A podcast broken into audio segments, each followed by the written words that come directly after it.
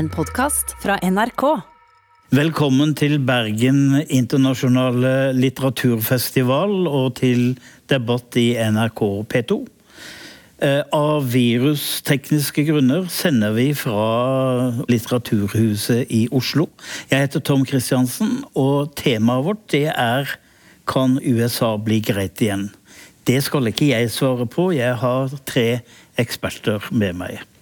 En av dem er Tove Gravdal, som er eh, journalist og kommentator, og som har skrevet bok om FNs sikkerhetsråd, som er en viktig spiller hvor USA eh, er inn og ut, og hvor vi er på vei inn.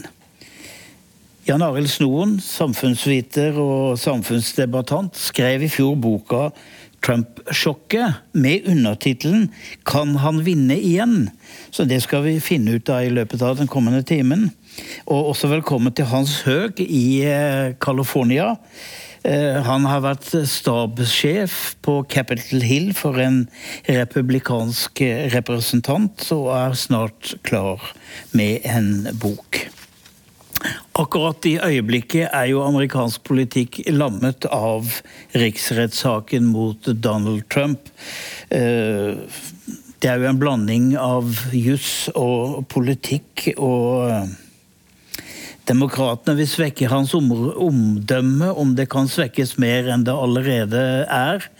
Men det er vel et spill for galleriet og snoren. Vil det bli noe ut av dette? Antagelig så blir jo ikke dette noen eh, dom. Nei, utfallet er nok eh, ganske klart, og det har det vært en stund. Akkurat etter 6.1 og angrepet på Capitol Hill, så, så, var det kanskje litt usikkerhet, men nå ser det ut som at republikanerne faller på plass. Men, men dette er likevel en prosess som, eh, som demokratene synes det er viktig å kjøre for å markere at det får finnes grenser, selv om Trump er ute. Og så kan det også ha noen praktiske Hvis han ble dømt, så vil det ha noen praktiske eh, effekter også. Men det er først og fremst for å markere dette, men også taktisk sett for å klistre det replikanske partiet til Trump. At de nå blir medansvarlige ved å ikke ha felt han. Du, eh, Det begynte jo for flere dager siden, eh, Tove Gravdal. og Du fulgte med iallfall helt i starten. Det var en fascinerende forestilling, da? en veldig fascinerende forestilling. Og, og Trumps advokater kom jo veldig skjevt ut med et veldig dårlig eh, angrep på at denne riksrettssaken skal holdes i det hele tatt. Uh, og Det førte jo til at uh, en, uh, det ble, var én republikaner mer enn det som var ventet, som stemte for at denne saken skal gjennomføres og at den er berettiget. Og, og jeg syns Bill Cassidy, som han heter, denne senatoren fra Louisiana, hans, hans vending er interessant med tanke på Hvis vi ser litt fremover i tid, da. For jeg tror denne riksrettssaken den er med på å bidra til noe som Eh, vi har sett litt tendenser til i meningsmålingene i januar-februar, hvor Trump nå begynner å bli mer upopulær, også langt inn eh, i den velgermassen som faktisk stemte på han. Det er eh, flere målinger som viser at det er liksom opp mot 60% som mener at han må stå til ansvar for at han oppildnet til vold 6.1, og at han skal dømmes, og at han ikke skal kunne få stille til valg igjen. Og jeg får litt flashback tilbake til um, det som skjedde i 2003, uh, da nesten en samlet kongress stemte for at USA skulle gå til krig mot Irak. Og Den stemmegivningen den hang jo ved Hillary Clinton og Joe Biden i mange mange år etterpå. Og, kanskje, og det at uh, Barack Obama var en av dem som tok til orde mot å gå til krig mot Irak, det var et bidrag til at han ble demokratenes kandidat i 2008. Og det kan hende at eh, om en tre, fire, fem år at det samme vil skje med denne stemmegivningen i, eh, i Senatet nå at Bill Cassidy blir stående som en rettrygget, eh, rakrygget eh, republikaner som våget å stå imot eh, presset fra Trump, mens de andre blir på en måte litt svertet av at de nå kommer til å stemme imot og dømme han. Hans Øg, du er med oss fra California. I fire år har du som stabssjef gått inn og ut av Capitol Hill på republikansk side. Skal komme tilbake til det. Men hvordan er det for deg å følge den, den riksrettssaken som republikaner? Jo, altså jo, Synet mitt er jo farget av det jeg så i min tid i gangene og i, i gatene både i Washington ja, og også på landsbygda i, i Kentucky. Så jeg har kanskje et litt annet syn. Uh, jeg mener Det offisielle argumentet for denne saken er todelt. Uh, det skal ha en avskrekkende effekt, og så skal det hindre Trump i å kunne holde et offentlig embete i fremtiden. Eh, dokumentet i seg selv består av én artikkel, og ganske, den, er, denne den artikkelen er ganske løst skrevet. Og den var kjørt gjennom i, i forholdsvis stor fart. Eh, hevder kupp, som nok er en overdrivelse hvis man eh, Det var i hvert fall et veldig dårlig gjennomført kupp, hvis det var det det var. Eh, så hva dreier denne saken seg egentlig om? Eh, basert på min erfaring så er dette mer eh, et politisk stunt fra demokratenes side. Fordi dette spiller veldig godt. Donald Trump er demokratenes mest samlende punkt. Han har vært veldig bra for dem politisk, og de vil prøve å bevare ham som en fiende så lenge de overhodet kan. Eh, og så er det også, har du å gjøre med valget neste år, eh, senatvalget. Jeg mener En tredjedel av senatet er jo som å stille til valg eh, hvert annet år. Og Da er det jo slik at stemmer du for å beskytte Trump nå som senator, så kan demokratene bruke det mot deg i en valgkamp neste år ved å si at du gikk god for det som angrepet mot Kongressen 6.1. Og hvis du stemmer med demokratene. Da kan det hende at du gjør eh, Vi vet jo at Trump er veldig hårsår og har eh, mange penger. Så han kan nok skape trøbbel for deg hvis du stemmer mot ham. Så dette er mer optikk og politikk enn noe annet. Hans Høeg, hvor var du 6. januar?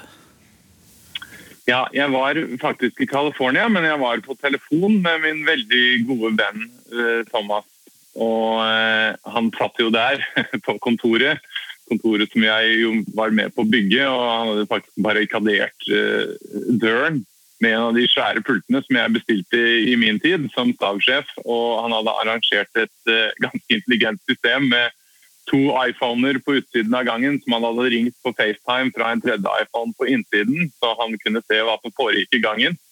Eh, det er den typen han er. Men han hadde lagt merke til da, på tirsdag, som jo var dagen før, at det var kommet en del pickup trucks og, og sånn inn i byen som eh, jo har vært stille i lang tid.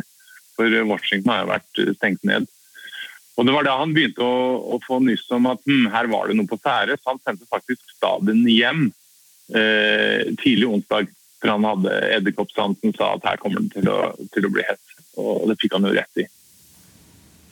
Men eh, når du så hva som skjedde, tenkte du at eh, dette er mine meningsfeller? Nei, det tenkte jeg jo ikke.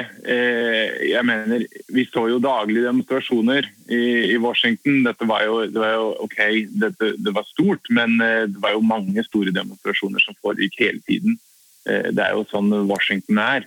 Så det at dette utartet Jeg tror egentlig at de aller fleste var der for å demonstrere, og et eh, fåtall eh, ønsket da å gjøre noe mer drastisk. Og så ble det litt uklart, eh, for dette var jo ikke godt organisert egentlig. Hvordan har det vært for deg i fire år å jobbe på Capitol Hill som en republikaner, og da ha Trump i Det hvite hus som fra dag til dag bestemmer hva dere skal mene? Ja, nå var jo ikke jeg der alle årene Trump var der. Eh, vi hadde jo eh, overlappet litt. Men eh, det er klart, det man må forstå med amerikansk politikk, er at man kan ikke se på et amerikansk politisk parti på samme måte som man ser på et norsk parti. Dette er to forskjellige beist. Det republikanske partiet er jo egentlig en koalisjon, og det er også det demokratiske partiet. Eh, for i USA så er alt veldig personsentrisk. Eh, så egentlig er hvert av de 535 kongresskontorene i seg selv et lite politisk parti. Så koalisjonen skjer i USA før valget, som man bestemmer seg for om man er R eller D. og Dette er jo nedfelt i arkitekturen. faktisk. Hvis de gikk fra et topartisystem, så måtte de jo faktisk bygge om bygningene. Mens her hjemme, f.eks., eller der dere sitter, så danner man jo koalisjoner etter et valg.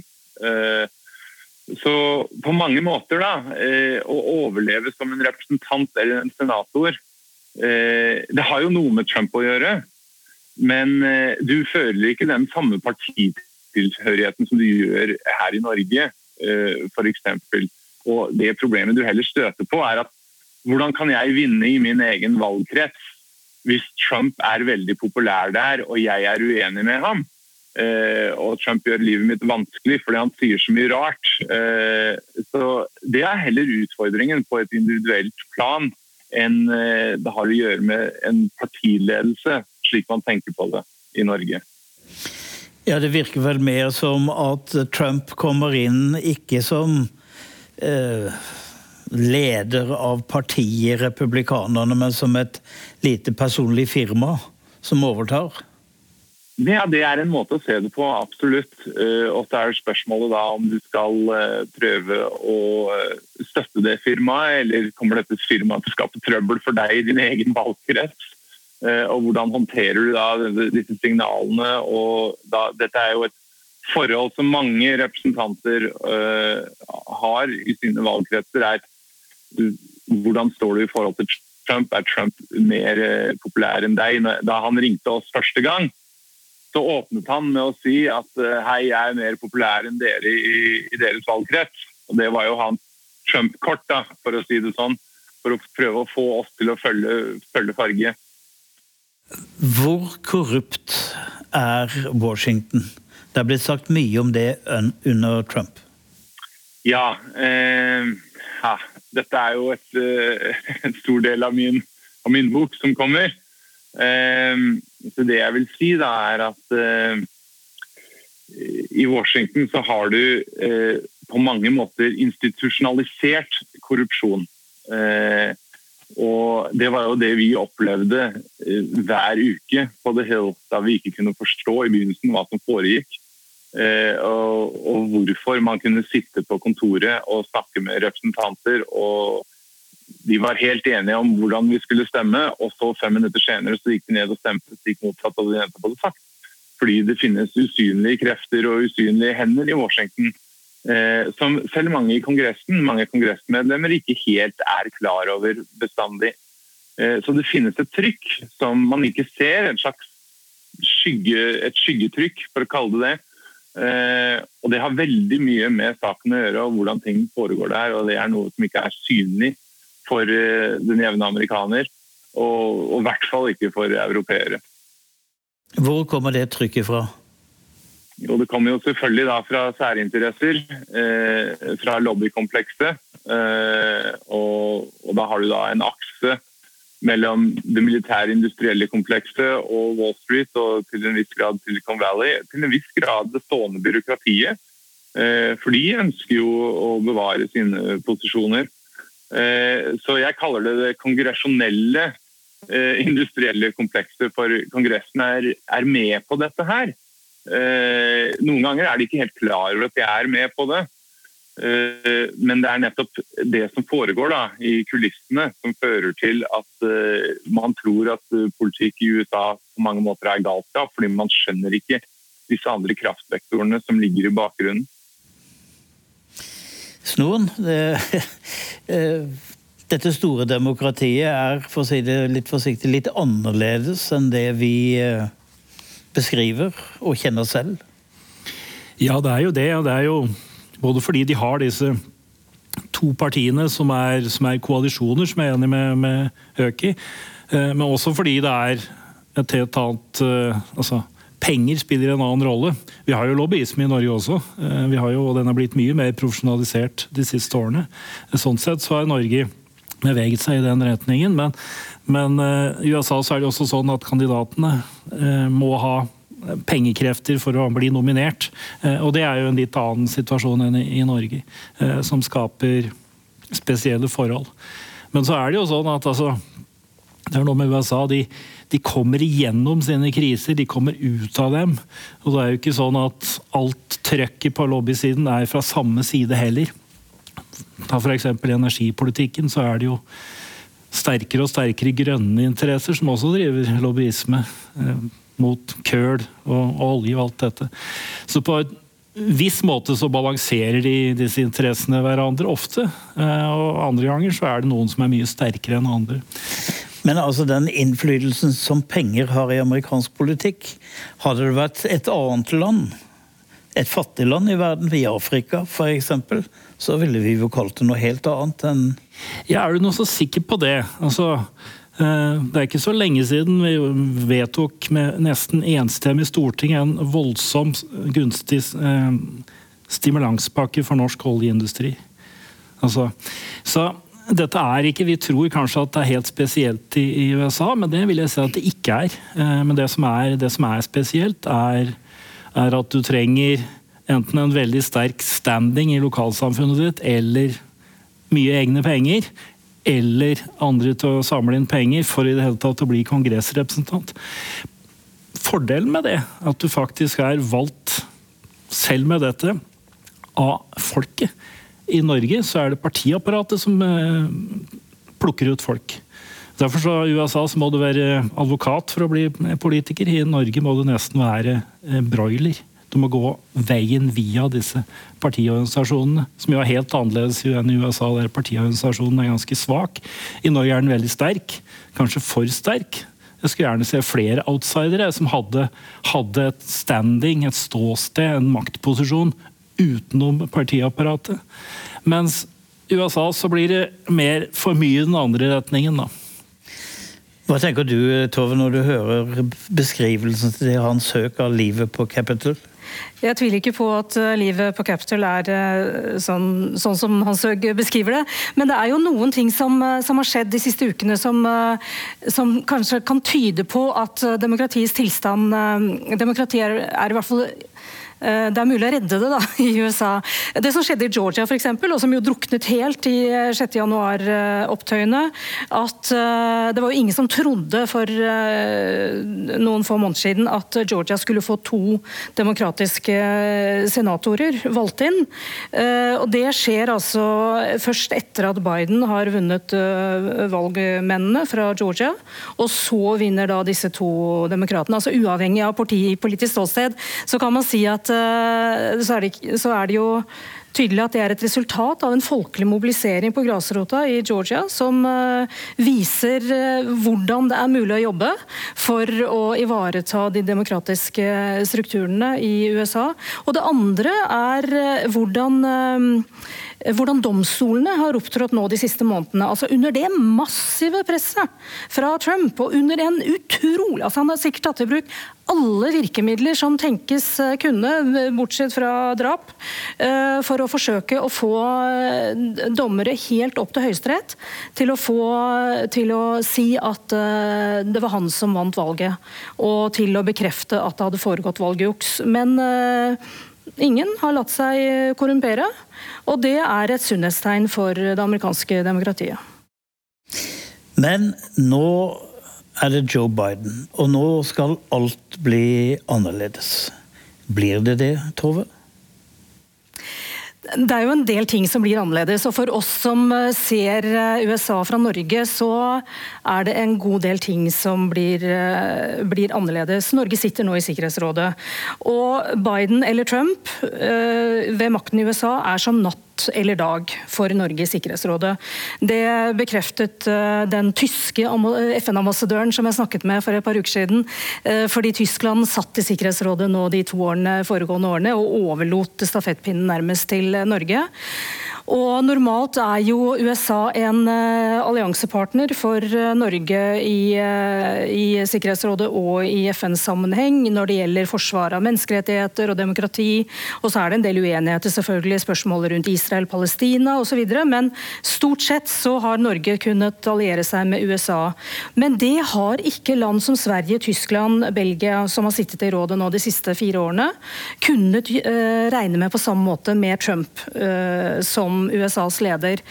Og det har gitt seg utslag på flere områder, f.eks. i politikken overfor Iran, hvor vi så altså Det var, helt, var utrolig dramatisk det som skjedde i Sikkerhetsrådet i høst, hvor, eller på ettersommeren og i høst, hvor, hvor Trump-administrasjonen presset og presset og presset landene i Sikkerhetsrådet til å videreføre, eller i hvert fall å oppheve avtalen som var inngått med Iran i 2015, og videreføre sanksjoner mot Iran. Jeg skal komme litt tilbake til det. Jeg vil bare innom det amerikanske samfunnet, innenrikspolitikken, fordi nå sitter det en ny president, en troende katolikk. Og de som støttet den forrige presidenten, var kristenkonservative. Og noen av dem ser vi jo også i vårt eget land. Men eh, hva er det som har skjedd med det amerikanske samfunnet, hvor eh, kristenkonservative plutselig er blitt en egen slags politisk lobby? Det har det egentlig vært en god uh, stund. Og, og dette har jo noe med hele altså det amerikanerne kaller kulturkrigen, som er da spørsmålet om hva er dette landet er, hva, hva, skal det være, og hva slags verdiforankring har det. Og Dette går tilbake egentlig både til borgerrettskampen, til 68-opprøret, men også da til, til 80-tallet og, og, moral majority og sånne ting. Eh, hovedgrunnen til at du har fått altså, de evangelicals, som jeg da kaller kristenkonservative, som er da som er da konservative også i religiøse spørsmål, og i politiske, de føler at de taper. Og det har de følt lenge. Eh, og det første store tapet det var jo abort loven fra 73. Og etterpå så har de tapt alt. Det er på en måte som KrF i Norge. De taper alle sakene, selv om de er nesten flertall, i motsetning til KrF i Norge. Så synet på ekteskap, familie, homofili og etter hvert da eh, transseksuelle Ja, De taper blir... sakene, men det høres ut som de er sterkere enn noensinne. Jo, men de taper, og, og det er dette. Eh, og så føler de også de har følt at de tapte også når republikanerne vant. Eh, og så har de da vært republikanere, disse kristenkonservative eh, teologisk. De har da vært republikanere, 75-80% av dem, lenge. Det er ikke nytt med Trump. Det som er spesielt med Trump, er jo at Trump ikke er noe spesielt skal vi si, um, moralsk forbilde. Men de holdt fast på han likevel, denne gruppen. De vil ikke ha han i nominasjonen. Det var Ted Cruz som var deres mann. Men da først Trump ble nominert som republikanernes kandidat, så fulgte de lojalt opp fordi han var republikaneren. Og han kunne, trodde de, kanskje stoppe eller reversere noe av dette. Og da er de villige til å tilgi hans privatliv og stilen hans og sånne ting. For ja, dette er så viktig. Men hvor, hvor religiøst er dette, og hvor politisk er det? Nei, altså det er altså det er interessant i nominasjonen at de som tilhørte disse menighetene, og gikk mye i kirken. Og, syntes at eh, religionen var veldig viktig for dem, sånn som religion. De stemte for, på Ted Cruz, eh, og en mye mindre del på, på, på Donald Trump. Mens de som hadde kristendommen som en identitet, eh, som en viktig del av sin identitet. De gikk ikke i kirken, men de sa at 'dette er viktig for meg'. Eh, og gjerne en sånn hvit kristen identitet knyttet til, til, regionen. Det ser vi litt også i Norge. altså Veldig mange på ytre høyre har blitt opptatt av å si at de er kristne, altså at de er en del av en sånn kristen tradisjon og verdi, eh, uten at de personlig er så opptatt av det. Men dette har da vart, og det varer helt inn på, på Capitol Hill. Eh, og på 6. januar så ser du også en del av disse aktørene snakke i veldig kristne termer som, om Trump som nærmest en frelser og den beste presidenten de har hatt. Det var en som sa siden Jesus. Så, så, så, det er en sånn dyrking som ikke har så mye med han, men som har med en sånn voldsomt følelse av tap. At samfunnet går i feil retning. Og da trenger vi en som kan kjempe for oss. Selv en sånn mangelfull mann som Donald Trump, som var villig til å kjempe for dem, sånn de følte det. Og så leverte han en par ting. konservative høyesterettsdommere. Det hadde alle republikanere levert. Men han leverte også å flytte ambassaden i Israel. Viktig symbolsak for dem. Så de blir der. Men nå er de litt nå er det også der denne her usikkerheten at en del syns at 6.1 det var å gå for langt. Eh, og noen av dem vil gjerne ha noe mer moderat og ser, noe, ser etter noe annet framover. Hans Høek, hvordan tenker du om akkurat de kristenkonservative? Er det de som fortsatt vil ha en dominerende innflytelse? Eller har ja. Joe Biden skjøvet dem til side? Et godt spørsmål. Eh, jeg kan kanskje begynne med en liten anekdote. Da jeg, jeg måtte gi en omvisning i, i Det hvite hus i august 2016, eh, som da var et par måneder før valget. Og Da var det en kristen familie fra Kentucky som jeg ga en omvisning til. og Da vi var på vei ut eh, og vi gikk denne, denne lange veien fra ytterdøra på Det hvite hus til ut til parken der og, og Pennsylvania Avenue. Eh, så, så, sier da det var en, en mor og, og svigermoren hennes og to barn, og så sier de dette er vår tid. Eh, Trump kommer til å vinne. Gud kommer ikke til å tillate Hillary å vinne. Eh, og jeg tenkte da at jeg tror ikke Gud er noe sted her på The Hill, men eh, jeg sa jo ikke dette. Eh, eh, så det er jo klart, det er veldig rart å se at man støtter en mann som da på mange måter, eller ingen måter, er kristen. Han, han er jo på mange måter the antichrist, for å kalle ham det. Så det kommer litt av dette at du har religiøse grupper i USA som er de er på en måte selvforsynt. Eh, det du assosierer med livet ditt, du har fått det. det alt det gode i livet ditt har du fått fra ditt eh, kirkesamfunn. Eh, om du har fått jobben din eller ektefellen. Det, er disse gruppene som støtter hverandre, og de ønsker ikke stor innblanding fra big government, som det heter. Og det er egentlig det som ligger til grunn for eh, hvorfor du ser mye av den spliden i USA. Eh, ja, det, det, er rasisme, det er klassepolitikk osv. Men den større grunnen er at man tolker USA som ett land, og det er det ikke. Eh, USA er mer som et EU. Så når den føderale regjering bestemmer seg for at uh, den skal blande seg inn i helsepolitikk og uh, utdannelsespolitikk og alle disse tingene som egentlig ifølge Grunnloven den ikke den føderale staten skal ha noe med, uh, så blir folk veldig forbannet. og det, det, var derfor vi forutså at Trump kom til å vinne tidlig i 2016. Vi ble jo ledd av selvfølgelig, men vi hadde gått rundt på landsbygda i USA, tatt mask folk i hendene og forstått at uh, her er folk virkelig forbannet på den maktkonsentrasjonen som skjer i, i, Washington. Og vi vil bare leve våre liv her ute. Vi vil at delstatene skal ha selvstyre, og vi vil ikke at Brussel skal fortelle oss uh, hvordan vi skal leve. Og dette kom særlig til uttrykk da, i den kristne delen av befolkningen. Men, men, det er jo et veldig paradoks med det du sier, Hans Høeg. fordi når f.eks. For en katastrofe oppstår som Katrina eller eh, de gjentatte eh, stormene som skyller innover kysten i USA, så skriker man jo på de føderale myndighetene, og så protesterer man. Og de republikanske guvernørene klager og sier at hvorfor, får, hvorfor stiller ikke sentralmakten opp og hjelper oss? Og hvis det er snakk om å kutte i Eh, Medicare og Medicaid, som da gir eh, ytelser til eh, pensjonister og og de fattigste så nei, nei, nei, det skal vi ikke gjøre.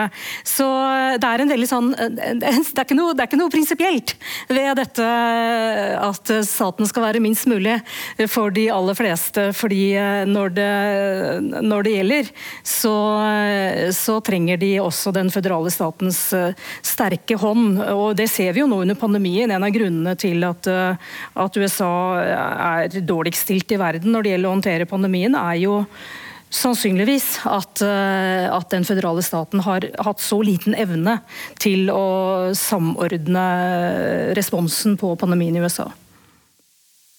Og det synes jeg er veldig bare for å svare på det, synes jeg er et veldig godt poeng. og det er Jeg helt enig med deg, og dette så vi stadig vekk.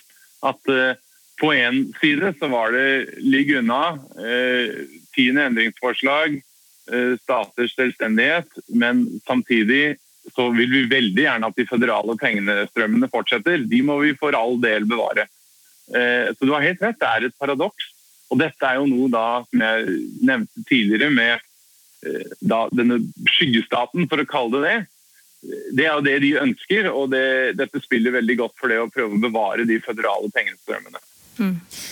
Snoren, vil Joe Biden bygge en velferdsstat, eller skal fortsatt USA være uten en velferdsstat? Altså For det første, USA har en velferdsstat, men det er en, det er en, stat, en velferdsstat med, med, større hull i sikkerhetsnettet eh, enn i Europa. Men det er en velferdsstat som vokser. altså pensjonssystemet, Alderspensjonssystemet er ikke så veldig forskjellig for eksempel, fra Norge. men Helsesystemet er jo veldig forskjellig, men der har jo USA beveget seg i europeisk retning gjennom Obamacare. Og det vil Biden fortsette å bygge på. Eh, han går ikke så langt som Bernie Sanders og andre, men han vil bygge videre på det, et større offentlig ansvar. Og så kommer det nå en del sånne ordninger som vi tar for gitt i Norge og Europa. altså eh, Fødselspermisjon, sånne ting kommer. Eh, Mitt Romney her om dagen foreslo eh, universell barnetrygd. Det kan hende det kommer. Og det er, det er, en del sånne ting som vil utvides. Så De vil nærme seg under Biden, så vil de nærme seg Europa. Men de vil ikke gå så langt, for det er ikke i amerikansk tradisjon. Dessuten har de ikke penga til det heller. altså Det vil også kreve et, et europeisk skattenivå. Eh, og det eh, får du ikke amerikanerne med på. Sånn som det er nå, så spør en vanlig amerikaner, det blir jo, så vil de ha i pose og sekk. De vil ha de europeiske velferdsordningene og det amerikanske skattenivået. Og det går ikke. Og Derfor så blir det da skuffelser, også her. Fordi Biden vil ikke kunne levere det veldig mange ønsker.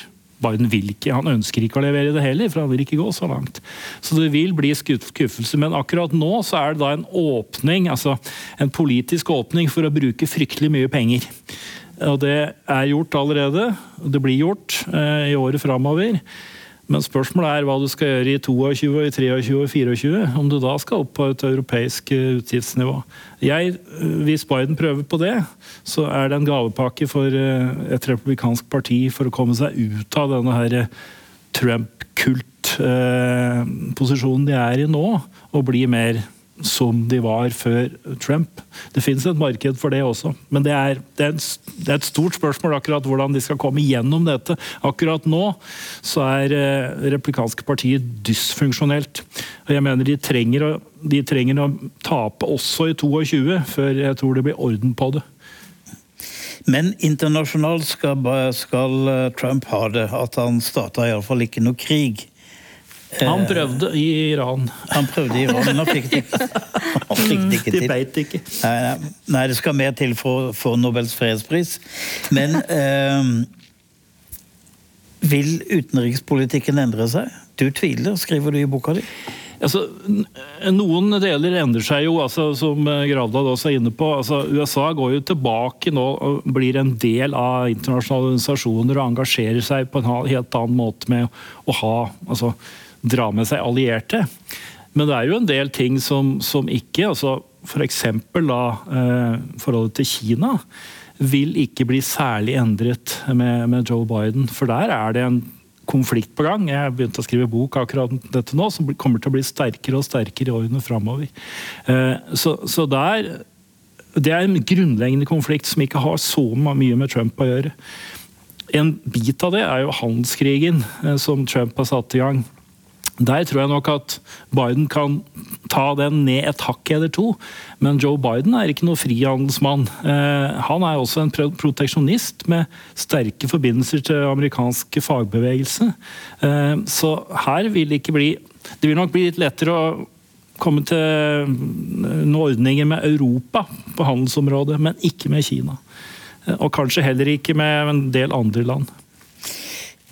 Tove Gravdal, du skrev jo en bok om Sikkerhetsrådet, og der lærte jeg mye.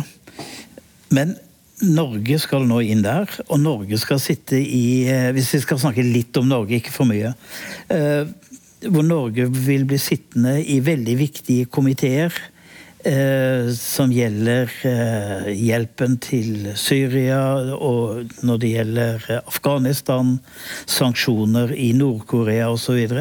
En rekke av de sakene har jo USA sterke meninger om. Og Norge, som alltid legger seg bak USA, skal Norge nå stå opp mot USA? Ja, og det kan, om ikke Norge står opp direkte, så kan det i hvert fall komme situasjoner hvor det kan bli vanskelig for Norge å manøvrere, særlig mellom Kina og USA. Og en av, de, eh, en av hastesakene som eh, Norge faktisk har det som kalles penneholderansvar for i Sikkerhetsrådet nå, det er Afghanistan. Og Afghanistan er jo en av de absolutt aller største krisene i verden for øyeblikket. Der er det jo eh, et mye høyere voldsnivå nå enn i Syria. Og der har USA og Taliban gjort en avtale om at alle amerikanske soldater skal være ute av landet nå i vår. Det er 2500 soldater igjen der nå etter den siste utrykningen til, eh, til Trump. Og Taliban kan nå lene seg tilbake og bare slå fast at ja, vi vant i 20 år med amerikansk tilstedeværelse. Vi vant. Og det kan jo ikke Biden eh, akseptere. Dette er en kjempeutfordring. Nå skal regjeringen i Afghanistan og Taliban skal nå eh, etter sigende forhandle videre om en, eh, en maktfordelingsløsning i, i Afghanistan. Det, de står veldig langt fra hverandre. Og Norge sitter altså som penneholderansvarlig da, i rådet, så har Norge mulighet til å være med å påvirke den agendaen. og fremme forslag i rådet og, eh, og diskutere og sette Afghanistan virkelig på dagsorden i, i, Sikkerhetsrådet. Og det haster. Et annet eh, virkelig bokstavelig talt eksplosivt tema er jo Nord-Korea. Norge leder nå sanksjonskomiteen for Nord-Korea i, eh, i Sikkerhetsrådet. Det er Noen av historiens aller tøffeste sanksjoner er innført mot Nord-Korea. Nordkoreanere får ikke lov til å jobbe i utlandet. Og, for eksempel, og, og, og, her er det nå begynnende uenighet mellom Kina og USA om uh, hvordan disse sanksjonene om de skal videreføres, hvor strenge de skal være, og hvordan de skal håndheves. Og Norge sitter da, altså bitte lille Norge sitter der og skal liksom administrere og overvåke at disse sanksjonene nå blir uh, overholdt. En veldig krevende jobb. Og Fremover mot sommeren skal Norge være ansvarlig for å reforhandle en resolusjon om, om nødhjelpskorridorer inn til Syria, hvor russerne er knallsterke. Og den påtroppende ambassadøren til FN for, som er uh, nominert av Biden, uh, Linda Thomas Greenfield, hun har jo varslet at hun vil stå hardt mot russerne i spørsmålet om å videreføre disse nødhjelpskorridorene, noe Russland ikke ønsker. Og Her også kan det bli veldig veldig tøffe tak, hvor Norge må balansere i dette tilfellet mellom USA og Russland-Kina. Og, så Norge står midt i storpolitikken nå, og eh, det, er, det, blir lettere med Biden enn det ville vært med Trump, men det blir eh, vanskelig nok. Men Iran? Vil det bli noen avtale med Iran? Atomavtale? Ja, jeg, jeg, tror vel det. Problemet er jo at Iran har jo brukt denne perioden da, etter at uh, Trump uh, sa opp avtalen til å, til å, la sine sentrifuger gå. Uh, og Biden vil jo gjerne ha, ha dette tilbake på, på, tuba, for å si det sånn, men det er jo ikke så lett å få til. men, men jeg jeg tror vel at uh, altså, det, er, det, er, veldig sterke interesser, og det er også folk rundt Biden nå som var, var, veldig sentrale i den første avtalen. Så jeg tror de vil prøve å komme seg tilbake på, på sporet igjen, og det er også iranerne interessert i. Eh, men de har da altså brukt denne tiden, så er, vi, har, vi, er ikke tilbake der vi var. Eh, og flytt, verden har flyttet seg til Irans fordel, etter min mening. Jeg var ikke så veldig glad i den opprinnelige avtalen, men det var det beste vi kunne få til, etter min mening. Og så, når den ble borte, så har det vært til skade for USAs interesser også. Jeg tror at eh, en av de største langsiktige mm, Altså en av de beslutningene som har eh, størst langsiktige konsekvenser fra Trumps presidentperiode, det var at han trakk USA ut av den avtalen. Fordi det førte til en eh, fullstendig sånn omfordeling av, av maktforholdene i, i, Midtøsten. Hvor Saudi-Arabia kom liksom tilbake igjen i den amerikanske folden. Og har kunnet oppføre seg ekstremt bøllete. både overfor Jemen ved å drepe egne borgere og osv. Og, og, og det har ført til at eh, det vil antagelig i overskuelig fremtid ikke finnes noen måte å, liksom, å, kontrollere Irans atomvåpenprogram på. Nå skal det være valg i Iran i juni. Det er sannsynlig at Rouhani, som, vil, som er interessert i å videreføre denne avtalen, ikke, ikke, blir gjenvalgt. Og at det kommer noen hauker ved makten i uh, Iran som gjør at uh, en ny avtale med Iran i, ligger langt inn i fremtiden eller i det blå. Hans Høk, dette har jo vært et tema som har ligget på ditt bord i fire år. Iran. Ja, det stemmer. Jeg har jo uh, Israel-lobbyen i, i, Washington er uh, en av de aller største og sterkeste lobbyene. Og de bruker ganske voldsom taktikk av og til. Og vi var jo et uh, av de få kontorene som vi, vi ønsket ikke Eh, stor støtte til Israel. Det var jo faktisk en avstemning. Vi var det eneste kontoret som stemte imot, eh, og resten av Kongressen stemte for. Eh, og, så det kommer veldig an på hvordan Biden og administrasjonen hans greier å navigere denne Israel-lobbyen. For en, den lobbyen er en et interessant møte av rare sengevenner. For du har på den ene siden f.eks. New York-demokrater som er jøder, og så har du da det som støtter Israel, og så har du da det bibelske Israel, som du ser f.eks. i Kentucky. Og dette er jo to folkegrupper som ikke har noe annet til felles, kanskje, enn akkurat dette emnet. Og det gjør at eh, lobbyen blir veldig, veldig sterk. Eh, og spørsmålet er hvordan Biden greier å navigere dette. Jeg husker jo på de mange møtene vi hadde, de gangene vi ikke greide å holde døra stengt for Israel-lobbyen. Eh, så de sendte forskjellige representanter til oss, fordi de prøvde det ene og det andre, og de greide aldri å overbevise oss. Så fant de endelig en fyr fra Kentucky da, som de trodde kanskje ville falle i god jord. Og han, eh, han ba oss eh, stemme mot et av disse forslagene som var fremsatt av Obama-administrasjonen i 2015. Og så fant vi ut da, gjennom samtalen at Vent, det hørtes ut som han kanskje ikke hadde lest dette forslaget. Han var allerede bare Han kjørte oss allerede hardt på at vi måtte stemme nei. Og, og så fant vi ut at da vi spurte ham hei, har du lest har du lest lovteksten, og han måtte jo da innrømme at nei, han hadde ikke lest den. Han var bare allerede, Israel-loven hadde allerede bestemt at de likte ikke hva Obama-administrasjonen hadde satt ut.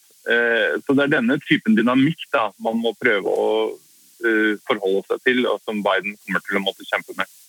Under valgkampen så ble det laget noen eh, karikaturtegninger av Joe Biden i rullestol. Hun ble rullet av sin kommende visepresident. Men vi har ikke sett så mye til henne etter valget. Hva kan vi regne med, Tove? Hun er jo symbolsk viktig allerede ved at hun har brutt eh, dette glasstaket. Eh, jeg er ganske sikker på at eh, Camilla Harris, hvis hun hadde blitt demokratenes presidentkandidat, så hadde ikke hun greid å vinne mot Trump. Til tross for at Trump hadde mye imot seg. Det var nok Joe Biden som var rett Eh, mann eh, og rett kandidat til å faktisk kunne beseire Trump. Eh, til tross for alt som buttet for Trump i, i fjor. Men jeg har inntrykk av at eh, Biden gir Kamala Harris den samme rollen som han selv hadde. Han sa jo da han ble spurt av Obama om å bli hans visepresident, eh, så ville han jo ikke først. Og så eh, greide Obama å overtale han, og så sa Joe Biden ja, men jeg har én betingelse, og det er at jeg skal alltid være den siste personen i rommet. Og det virker som om Kamala Harris tar den samme rollen for Joe Biden som han hadde for Obama. Det er hun som er den siste personen i rommet, og som skal være dette Sørge for dette liksom ubrytelige fellesskapet mellom de to. Som gjør at de er et team, og at hun Eh, og det er klart, Gitt Bidens alder, så betyr jo det også at hun på kort varsel må stå klar til å overta dersom noe skulle skje med presidenten.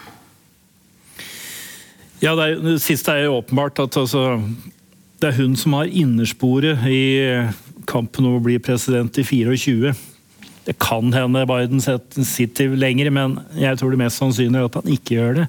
Og da har hun innersporet, men hun er ikke hun var, en, hun var en skuffende dårlig kandidat uh, i, i, nominasjonen.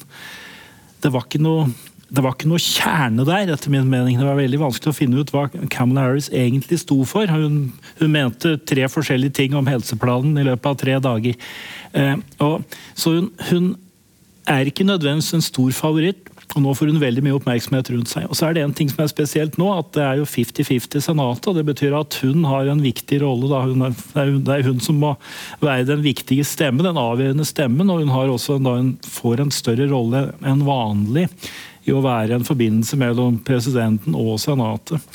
Ehm, hun, var, hun hadde, la merke til at hun hadde et feilskjær for ikke så lenge siden, for hun la seg ut med Joe Manchin som er nest viktigste mannen i amerikansk politikk nå. altså Han sitter på, med vippestemmen i Senatet, og hun prøvde å kjøre over han. Og det likte han ikke. Eh, og det er dumt, hvis du skal, eh, hvis du skal være denne som skal lirke ting igjennom i Senatet og legge seg ut med Joe Manchin, så der må hun roe seg inn. Hvis ikke så ligger hun ganske tynt an, faktisk, fordi han kan finne på ganske mye interessant. Eh, han er en relativt konservativ mann, og han er helt avhengig av å vinne i en stat som Trump vant med 40% altså Det er bare Joe Manchin som kan levere den stemmen, og det burde Camilla Harris ha visst. og det tydet ikke på at hun egentlig tenkte over. Så hun er altså Jeg trodde hun skulle For to år siden så trodde jeg hun skulle bli president. Nå ligger hun sånn saklig sett godt an til å bli det, men jeg, jeg, jeg tviler fremdeles. For det er noe som mangler i, i politisk kløkt. Der. Men det hun har, Hans Høk, det er jo sjarmen. Altså, hun er jo en karismatisk kvinne med et vinnende vesen, men hvis det, ikke, hvis det ikke er kjerne, så kommer man jo ikke så langt. Jeg synes jo Det er veldig interessante kommentarer dere kommer med her, og jeg må jo være enig. Eh, nå sitter jo jeg i delstaten hun kommer fra. og eh, det er, jo, det er jo klart at hun er intelligent og, og, har muligheter, men det er jo den samme følelsen jeg sitter med. At var ikke, det var vanskelig å bli klar over hva sto hun egentlig for, uh, og, og, hva var egentlig hennes mål. Uh, så ja, den følelsen deler jeg. Men uh, amerikanere, amerikanske kvinners forståelse av å ha fått en kvinnelig visepresident betyr vel en del? Jo, jeg mener dette er jo et, et, steg fremover. Absolutt. Og det at man ser henne, og at hun eh, er tydelig da, i det offentlige bildet, det, det betyr jo noe. Absolutt.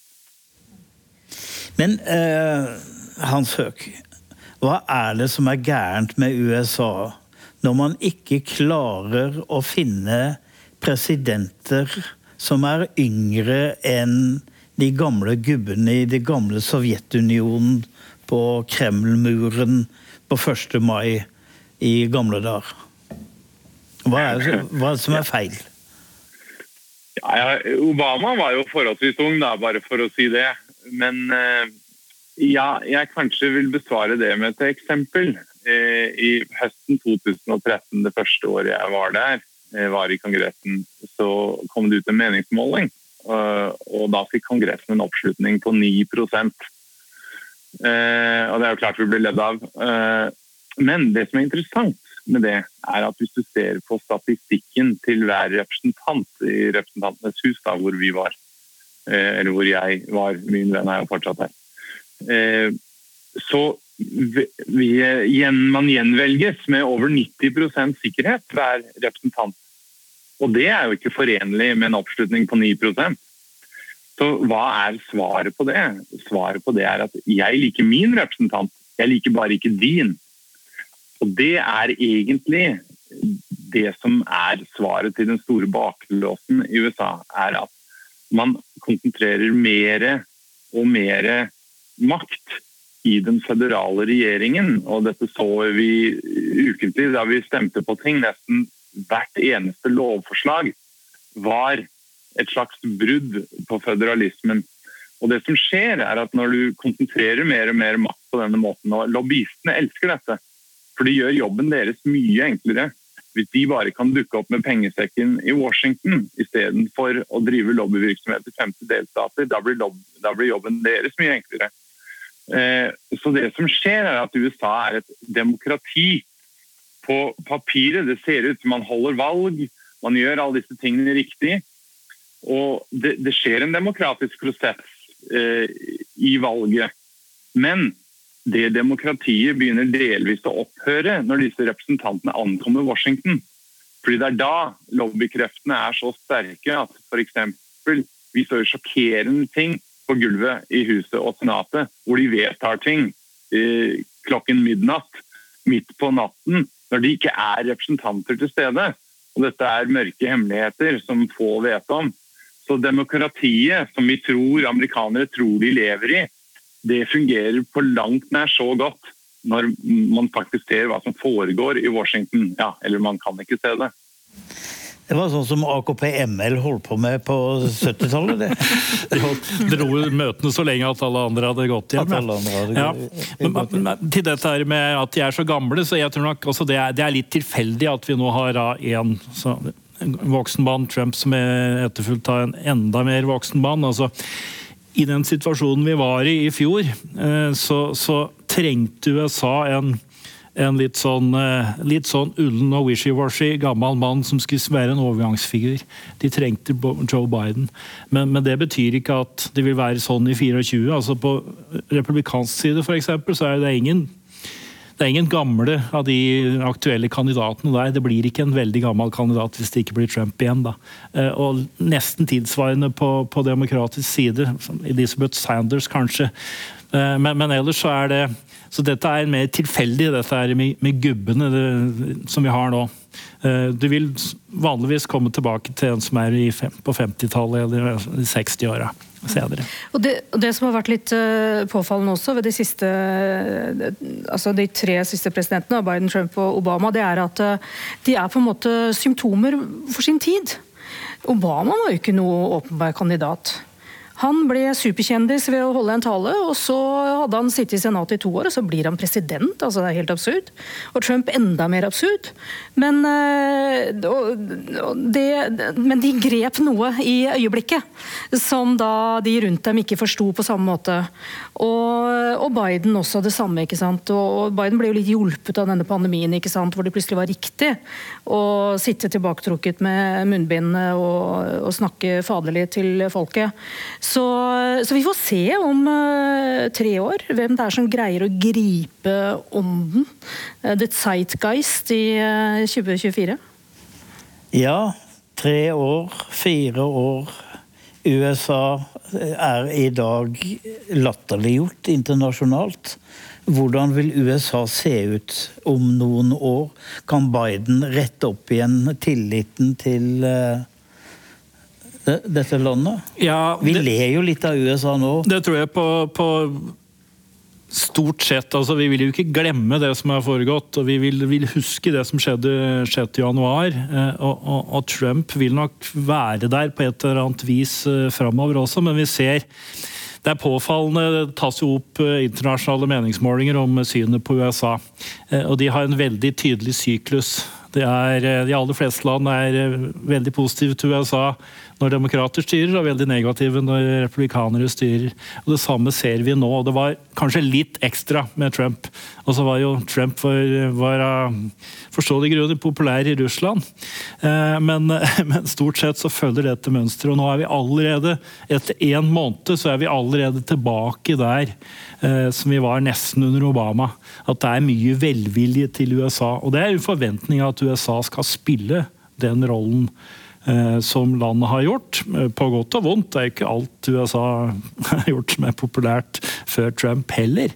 Eh, men jeg har tro på en stor grad av normalisering men som jeg sa før også, altså verden, en, verden, endrer seg, og det er en del av disse konfliktene, særlig dette med, mellom USA og Kina, som, som, som, har blitt mye mer påtagelig, og som kommer til å være der framover også. Og i Midtøsten er det jo alltid uro, eh, uansett. Eh, og, og, USA kan godt si at vi vi vil ikke være involvert der, og Trump var litt der. og Det, det skjer i begge partier. Vi vil helst ikke være involvert der, men men altså, de vil være involvert med, med, deg. Altså, Krigen kommer til deg hvis ikke du er interessert i den. Det var det George Bush oppdaget også. Han ville ikke være så involvert, han. Men krigen kom til George Bush. Det er så langt vi rekker. Nå er uh, timen gått. Og dermed sier vi uh, takk fra Bergen internasjonale litteraturfestival, som for anledningen er i Oslo. Du har hørt en podkast fra NRK. Hør flere podkaster og din NRK-kanal i appen NRK Radio.